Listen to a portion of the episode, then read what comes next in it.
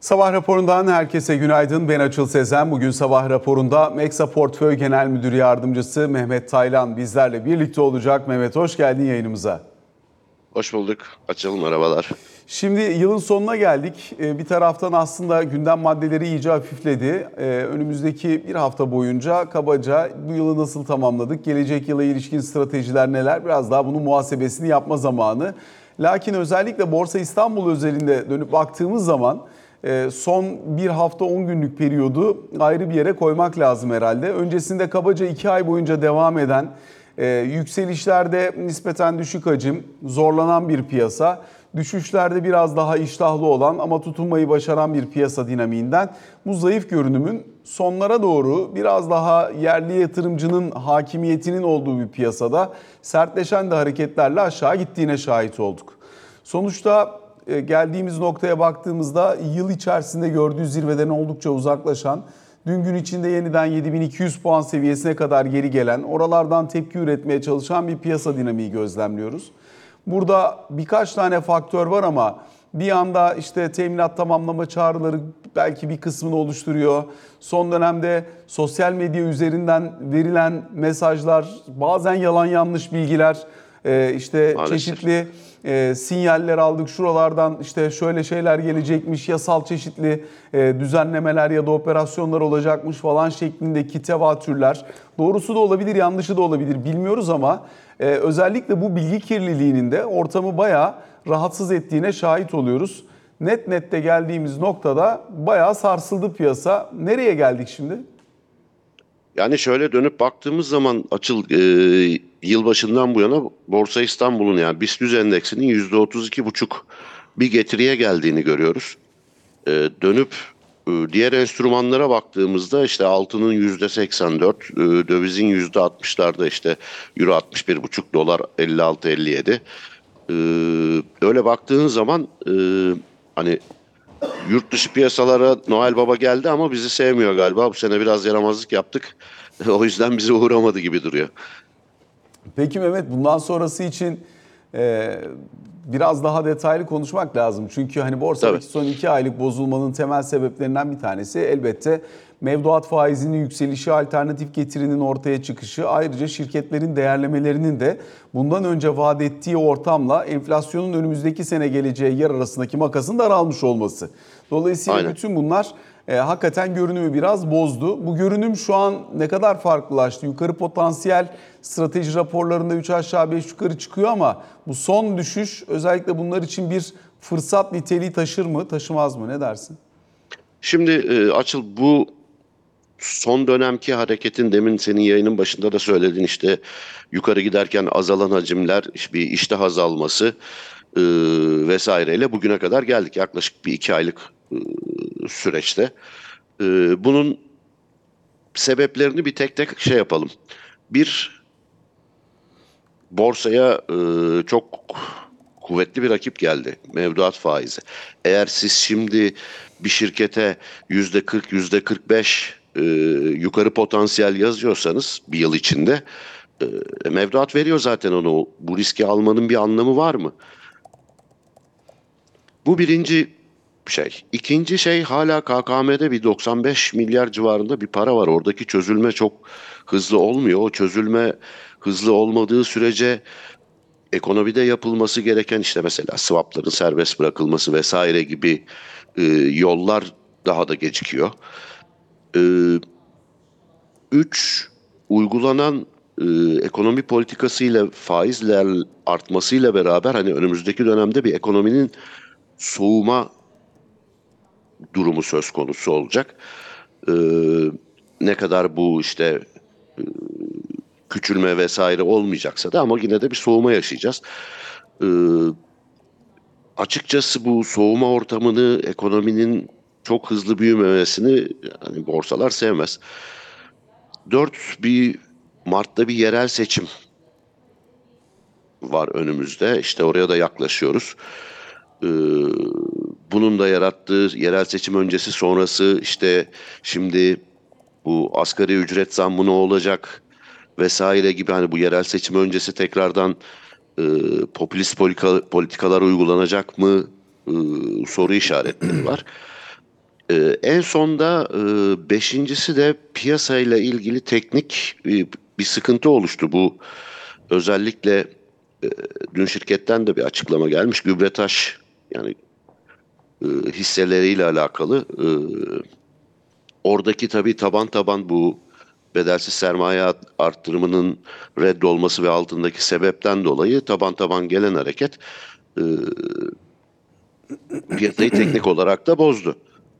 Çünkü buradaki e, portföylerdeki işte teminatlardan vesairelerden demin senin bahsettiğin e, teminat tamamlama çağrılarından e, piyasada teknik bir bozulma da oldu. Buraya piyasayla ilgili teknik kısma kredi faizlerinin e, işte yüzde seksen yüzde yüz aralığına kabaca geldiğini de e, eklersek hani sizin programlarda da arkadaşlar söylüyor çarşamba günü 3 günlük kredi faizi yememek için hep satış oluyor kaç haftadır. Bugün de satış olacak mı diye e, konuşuluyor. Yani bunlar teknik sebepler.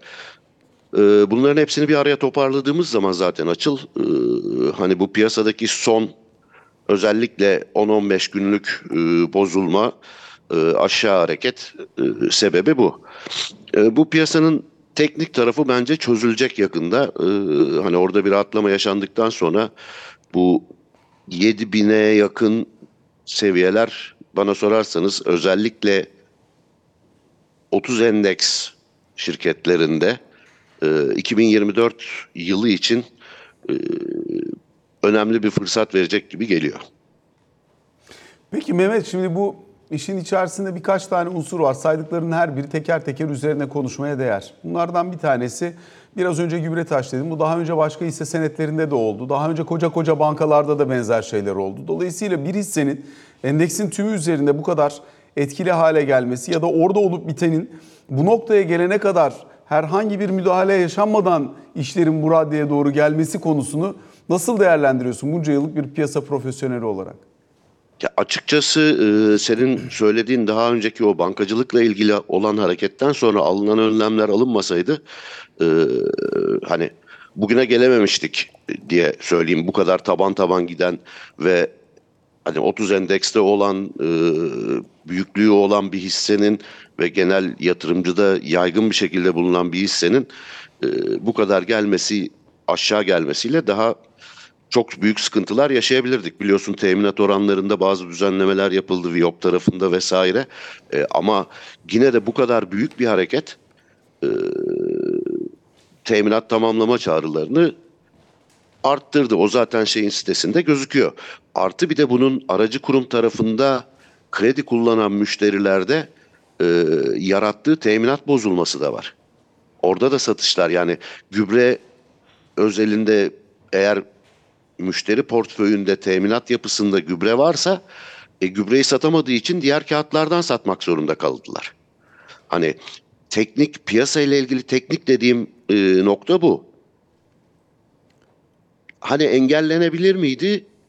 E, açıkçası bir önceki seferde bankacılıkta olan şey engellenebilirdi ama bunda e, durum biraz farklı gibi geliyor bana açıl. Hani daha öncesinden çünkü e, hem e, gübrenin Viyop'taki normal e, sınırlar var, pozisyon sınırları. O sınırlara kaç kere gelmişti. E, çok fazla pozisyon açılan bir kağıttı. E, hani o yüzden yapılan yapıldı bence bu sefer.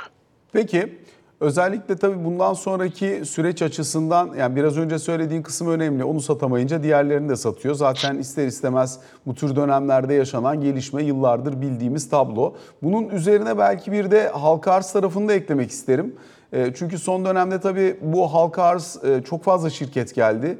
E, Akımın olduğu dönemde bu şirketleri absorbe etmesi kolay piyasanın fakat çıkışın olduğu dönemde en yüksek değerlemeye sahip olan yer neresiyse biraz oralardan da satış geliyor anladığımız kadarıyla. Dolayısıyla buralarda bayağı baskı altında kalıyor. Nasıl değerlendiriyorsun halka arz hisselerinin son dönemdeki performansını?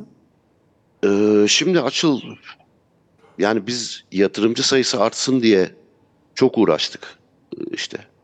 Bir milyonu, bir buçuk milyonu geçsin. İşte eski zamanda yapılan yanlışlardan dolayı borsa küskünleri vesaire bunları hani kariyerimiz boyunca bunlarla uğraştık.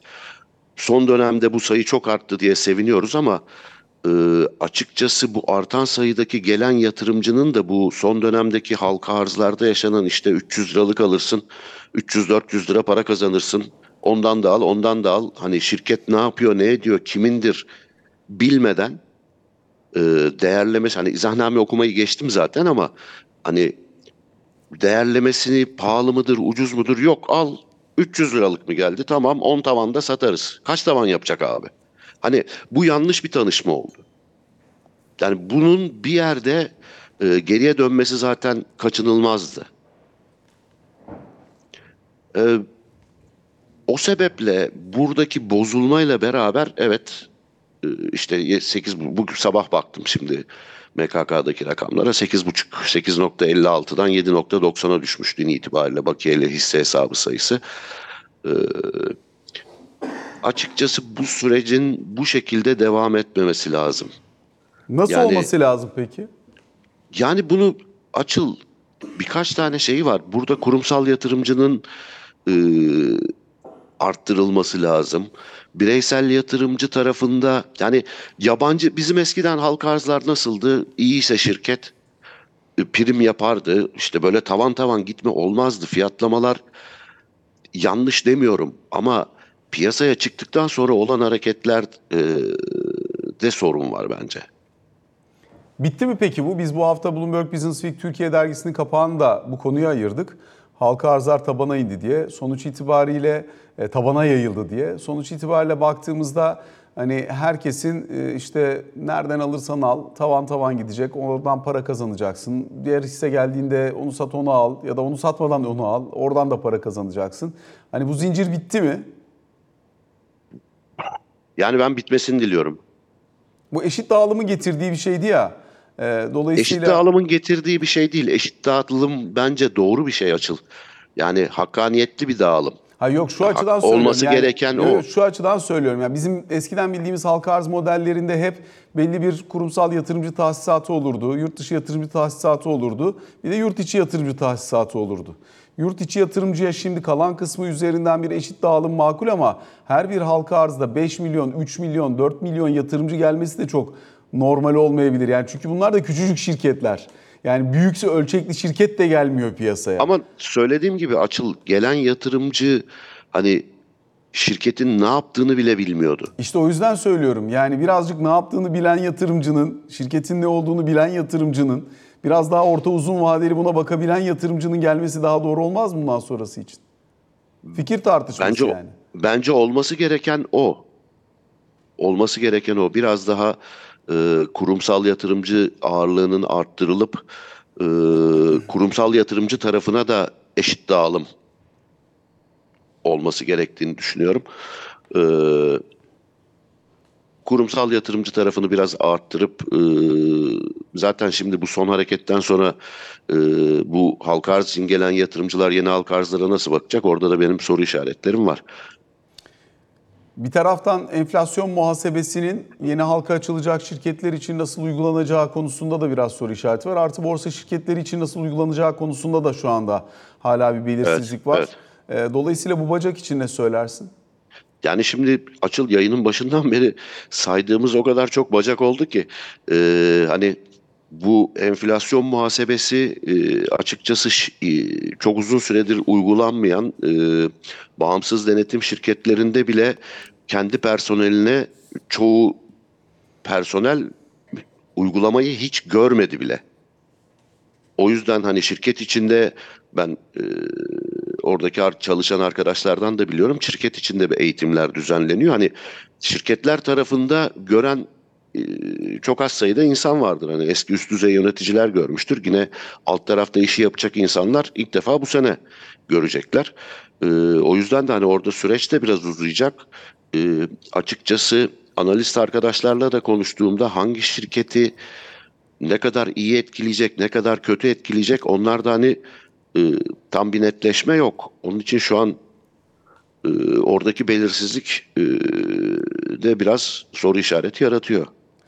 Yeni gelecek olan halka arzlar için özellikle tabii 9 aylık bilançolarla açılacaksan e, zaten zaman biraz daralmış durumda. Eğer daha sonrasında 12 aylığa kalıyorsan bu kez Ee, özellikle tabii yine e, enflasyon muhasebesine göre düzeltilmiş bilançoyla gelmek zorunda kalacağın için e, orada bir bilanço revizyonu, daha önce halka açılabileceğini düşünürken belki karlılık kriterini tutturamayacak şirketlerle ilgili bazı soru işaretleri. Bunlarla Tabii. da karşı karşıya kalma olasılığı var galiba. Ne dersin? Bel- belli bir süre belli bir süre hani halka arz e, şeyi olmayabilir bu sebeplerden dolayı. Artı o bilançoların enflasyon muhasebesine göre yetiştirilme süreleri de biraz deminki saydığım hani bağımsız denetim şirketi tarafındaki şeyden dolayı yoğunluktan ve e, işin farklı olacağından e, şu anki kadroların bunu daha önce yapmamış olması sebebiyle işin biraz daha da uzayacağından e, dolayı bir süre halka arz e, görmeyebiliriz. O zaman bundan sonraki süreç için özellikle Borsa İstanbul yatırımcısına dönük e, bakış açın ne söylüyor? Siz kendi portföylerinizdeki hisse ağırlığını neye göre ayarlıyorsunuz? Nasıl bir pozisyonlanmanız var? Şimdi e, şöyle söyleyeyim. E, açıkçası e, burada bir miktar daha geri çekilme sonrası 2024 için demin de söylediğim gibi e, büyük ve e, işte holding, banka, e,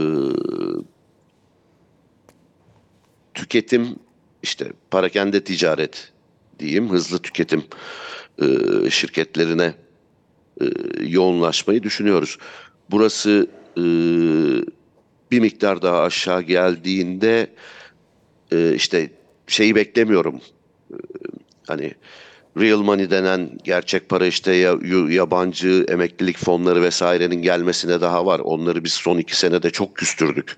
2-3 senede işte 2018'den bu yana diyeyim hatta e, yaptığımız yanlışlarla hani onların gelmesine daha var ama bir miktar e, hızlı gelip çıkan işte hedge fonlar vesairelerde bir miktar daha artış görebiliriz önümüzdeki dönemde. E, şu an için ekonomide doğrular yapılıyor. Bu saydığımız e, sebeplerin hepsinin de bir düzelme durumu söz konusu olacak.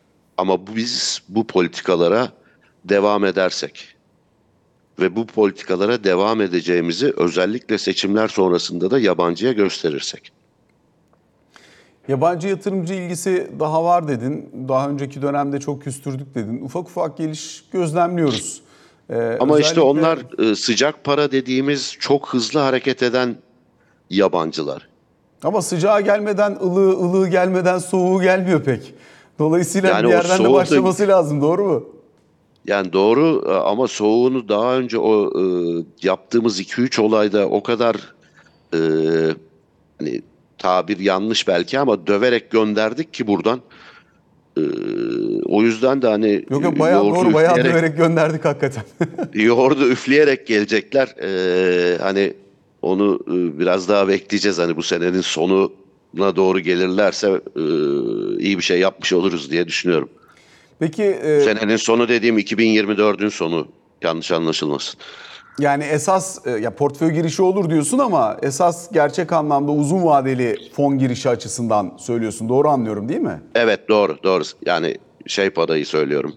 Yani Ee, gerçek parayı ha, ulusal ve refah işte- fonları vesaire daha büyük daha uzun Tabii, vadeli tabii, fonlar tabii, için tabii. söylüyorsun öyle Tabii. konuşuyorsun.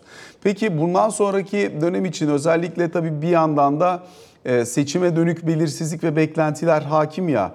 E, bunun öncesinde bir pozisyonlanma mı beklersin yoksa seçim bittikten sonra mı biraz daha belirgin? Yani e, hani o yurt dışı taraftaki şey kısmını e, gerçek para kısmını bir kenara koyuyoruz. Evet, hani tabii hem onların yurt hem yurt dışı için düşünüyorum. söylüyorum. Ama e, yurt dışı hızlı para ve yurt içi şeyi seçim öncesi bir pozisyonlanma yani Ocak başı e, bu piyasadaki özellikle de teknik sıkıntının da çözülmesiyle beraber e, Ocak başı bir pozisyonlanma seçim sonrasına e, bence yapılabilir. Peki burada Ama da- dediğim şartlarda çünkü şu an e, şeye baktığınızda e, 100 endeks dışı endekse baktığınızda oradaki hareketler çok daha sert oluyor. E, burada büyük, tahtası derin e, ve önümüzdeki dönemde bu kar artışı vesaireyi yapacak şirketleri seçerek bir portföy oluşturmak lazım. Belki endeks e, o kadar çok iyi bir getiri yapmayacak ama e, burada oluşturulacak portföyde mevduatı geçe yani çok iyi getiriden kastım mevduatı geçmek. Risksiz olan şeyin üzerinde bir getiri elde etmek. Ha, burada yapacağınız bu seçimle beraber e, mevduatın üzerinde bir getiri elde edebilirsiniz diye düşünüyorum. Ee, Burada peki yabancının daha önceki dönemde girdi, girmesine alışık olduğumuz hisse senetleri ağırlıklı olarak işte BIST 30 hisseleri, biraz daha derinliği olan bankacılık sektörü hisseleri, e, hani daha iri ölçekli Açıl- ve derinlikli hisselerdi. Buralara mı beklersin? Şöyle şöyle bir şey söyleyeyim. Ee, 2008 yılıydı yanlış hatırlamıyorsam. Ee, hani bunu fonların nasıl hisse seçtiği filtre kriterleri anlaşılsın diye anlatıyorum. Ee, Tofaş 1 lira 25 kuruştu.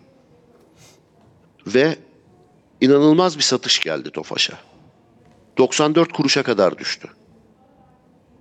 Yani 10 gün içinde. Bunun sonradan sebebini araştırdığımızda bir fonun 500 milyon TL'nin altında piyasa değeri olan hissede pozisyon taşıyamayacağı kuralı çıktı. Tofaş'ın o zaman sermayesi 400 milyondu. 1.25'ten 500'dü. 1.24 yandığı anda o fon bütün pozisyonunu fiyata bakmadan boşaltmak zorundaydı. Şimdi bu tür kuralları olan e, yatırımcılarla dan bahsediyoruz. Şimdi o sebeple bu kurallar yine duruyor benzer kurallar. İşte 500 milyon değildir de rakam farklıdır. Ve işte bunun yanında sadece piyasa büyüklüğü değil e, günlük işle, işlem hacmi ortalaması vesaire gibi şeyler de var. E, bunları göz önüne aldığımızda tabii ki tekrardan yabancı yatırımcı eski geldiği kağıtlar zaten bu filtrenin içinde kalacak. Hani bu filtrenin içine giren yeni kağıt sayısı çok fazla değil yani 5-10'dur belki. Bir önceki döneme göre.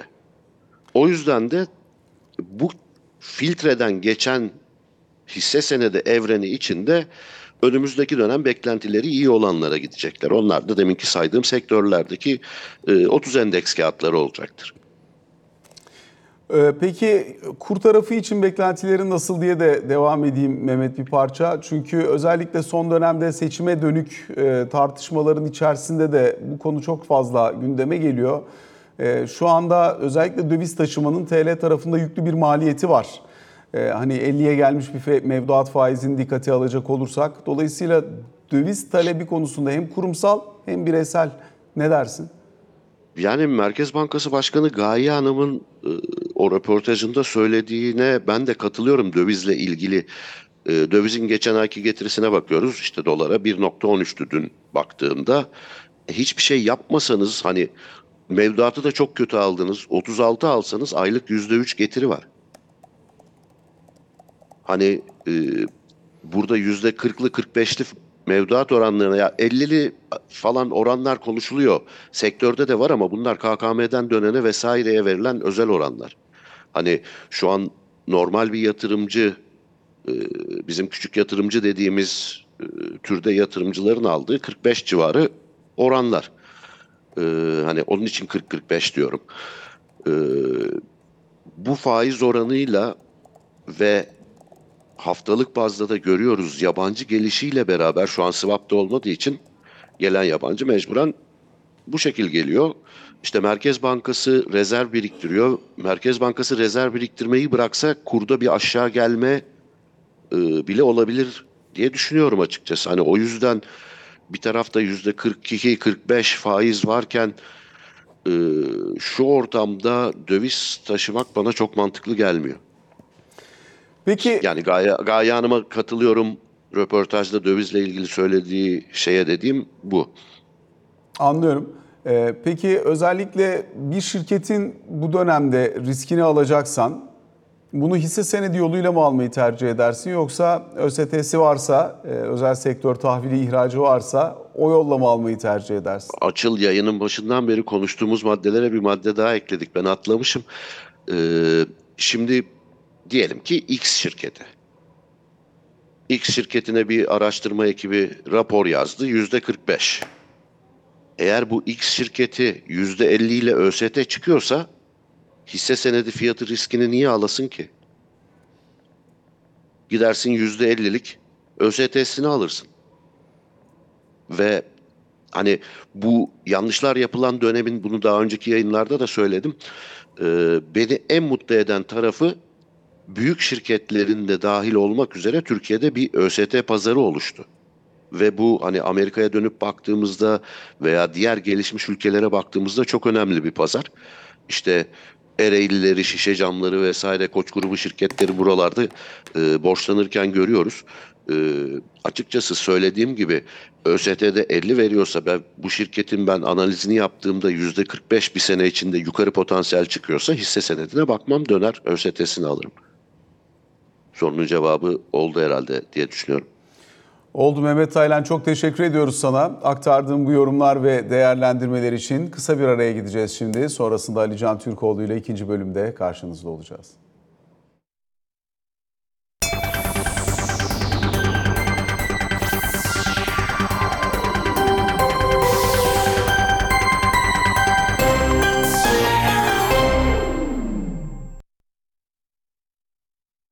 Sabah raporunun ikinci bölümüyle karşınızdayız. Ali Can Türkoğlu bizlerle birlikte. Ali Can günaydın. Günaydın. Dün itibariyle mecliste önemli mesai vardı. Hem İsveç'in NATO üyeliğiyle ilgili tasarı yasalaşıyor hem de aynı zamanda emekliyle ilgili olarak emeklilere yapılacak olan 5 bin liralık ödeme ile ilgili yine torba kanunun ilgili maddesi geçti. Onunla başlayayım. Kabul edildi dediğin gibi. Şimdi e, uzun süredir bekleniyordu ne zaman geçecek ve ne olacak, bundan sonraki takvim nasıl şekillenecek diye. Şimdi düzenlemenin resmi gazetede yayınlanması bekleniyor. Resmi gazetede yayınlandıktan sonra Çalışma Bakanlığı zaten konuyla ilgili kendi hazırlığını bitirmişti. E, resmi gazetede yayınlanınca SGK ödeme takvimini açıklayacak. Ama şu bekleniyor. Takviminde zaten iki gün içerisinde açıklanması bekleniyor. Dolayısıyla seninle zaten bir süredir bu, bu gündemle ilgili konuştuğumuzda Ocak başlamadan bu sürecin tamamlanması hedefleniyor ve bekleniyor diye konuşuyorduk. Muhtemelen işte bugün yarın resmi gazetede yayınlanıp hemen SGK tarafından takvim açıklanıp bu süreç tamamlanacak gibi gözüküyor. Bunun dışında e, İsveç konusu Dışişleri Komisyonu'ndan geçti evet. E, zaten komisyon geçişi e, bekleniyordu ama Meclis Genel Kurulu'nda tabii şimdi o da aşama aşama. Ankara'nın beklentileri var. Başta Amerika Birleşik Devletleri olmak üzere. O beklentilerin bu süre zarfında nasıl şekilleneceği görülerek bu sürecin takvim içerisine dahil edilip edilmeyeceğini göreceğiz. Kastım şu, şimdi Dışişleri Komisyonu'ndan geçti, konu genel kurula gelecek. Genel kurulda gelmesi için bir kere e, meclis zaten tatile giriyor. E, 16 Ocağı kadar çalışmayacak. 16 Ocak'tan sonra genel kurulun gündemine ne zaman gelip gelmeyeceği anlaşılacak. O süre içerisinde de e, başta Amerika Birleşik Devletleri olmak üzere ve İsveç tabii ki e, Ankara'nın beklentilerinin nasıl karşılandığı veya bununla ilgili ne gibi adım, adımlar atıldığı takip edilecek. Ee, özellikle F-16 süreci var. Türkiye ve Amerika Birleşik Devletleri'nin bu iki süreci beraber eş zamanlı olarak götürelim diye konuştukları ifade edilen. Burada dün e, ABD'den açıklamalar geldi. Türkiye'ye F-16 satışına Biden'ın zaten e, desteğini sürdürdüğü yönünde bir değerlendirme var ve bu karar doğrultusunda e, dolayısıyla yani Türkiye'nin İsveç kararı dolayısıyla da memnuniyet duyulduğu ifadesi kullanıldı. Ama şimdi F-16 sürecini Amerika ne kadar hızlı bir şekilde geçirecek? Bu konuyla ilgili e, beklentilerin karşılanmasıyla ilgili olarak en azından bir adım gelecek mi bu takip edilecek. Yoksa Dışişleri Komisyonu'ndan geçmesi İsveç'in NATO üyeliğinin onaylandığı anlamına gelmiyor bilindiği gibi. Genel kurulda gelecek. Genel kuruldaki yasalaşma sürecinde e, genel kuruldan geçtikten sonra asıl o süreç başlayacak. E, ez cümle eğer Amerika Birleşik Devletleri'nden F-16 konusuyla ilgili olarak net bir açıklama veya adım gelmez ise 16 Ocak'ta meclis açılır açılmaz bu konunun Meclis Genel Kurulu gündemine gelmesi beklenmemeli. Şimdi Fuat Oktay'ın dün dediği yani Dışişleri Komisyonu Başkanı'nın e, dün yapmış olduğu açıklama genel kurulda hızlı bir oylanma beklenmemeli yönündeki açıklama aslında biraz bunun e, sinyali. Zaten bir ara veriliyor. 20 günlük bir ara neredeyse. Bu 20 günlük aradan sonra zaten başlayacak. Bunu kastediyor da olabilir. Ama aslında kastettiği arka planda söylenen Amerika Birleşik Devletleri'ne verilen mesaj. Dolayısıyla Ocak ayı ortasından itibaren biz o zamana kadarki hamleleri takip edip ondan sonra biraz daha bu sürecin bitip bitmeyeceğini göreceğiz. Ee, bir diğer konu aslında bununla ilgili olarak zaten ABD'de de sürecin devam ettiğini söylemekte fayda var. Bir diğer konu emekli konusu aslında dünkü e, konuşulan konulardan bir tanesi. Bununla ilgili de süreç dediğim gibi tamamlanıyor. Çalışma hayatını ilgilendiren çok başlık var. Asgari ücret konusu zaten bunlardan birisi. Hafta başından bu yana bugün Şimdi bu arada Cumhurbaşkanı'nın e, resmi programında kabine programı hala gözükmüyor. Açıklanan programında. Ama e, beklenti bugün e, akşamüstü bir kabine toplantısının gerçekleşmesiydi. Ancak dediğim gibi sabah kontrol ettim şimdi yayına girmeden de e, Cumhurbaşkanlığı'nın sitesinde günlük programda e, kabine toplantısı gözükmüyor. Eklenmezse ne olur, eklenirse ne olur bunları da konuşabiliriz ayrı ayrı. Beklenti neydi? Asgari ücretle ilgili olarak 3. toplantının e, bugün kabine toplantısı yapılacak bilgisi veya duyumu üzerine dün veya bu sabah gerçekleşmesiydi. Çünkü Çalışma Bakanı'nın son vermiş olduğu mesajlarda da sinyalle de e, aslında sürecin olumlu gittiği ve çok kısa bir süre içerisinde yani 3. toplantı ile 4. toplantı arasında çok da fazla vakit kaybetmeden e, mutabakatlı bu sürecin bu hafta içerisinde tamamlanmasıydı. O yüzden zaten yorumlarımızı e, kabinenin hemen öncesinde 3. toplantının yapılması, kabine toplantısında konunun Çalışma Bakanlığı tarafından sunum halinde e, sunulması ve kabineden sonra da 4. toplantıyla sürecin tamamlanması yönündeydi. Kabine toplantısı olmasa bile hemen yapılacak bir üçüncü toplantıda çünkü üçüncü toplantıda rakam ve oran konuşulacak iki taraf açısından da e, bunların masaya getirilmesi e, ve onayın alınmasıyla beraber dördüncü toplantıyla dördüncü toplantının gerçekleştirilip kamuoyuna aktarılması yönünde bu beklentide bir değişiklik yok. Sadece kabine toplantısı olmasa bile işte bugün üçüncü toplantının, yarın hemen dördüncü toplantının yapılabileceği yönündeki beklenti konuşuluyor Ankara'da.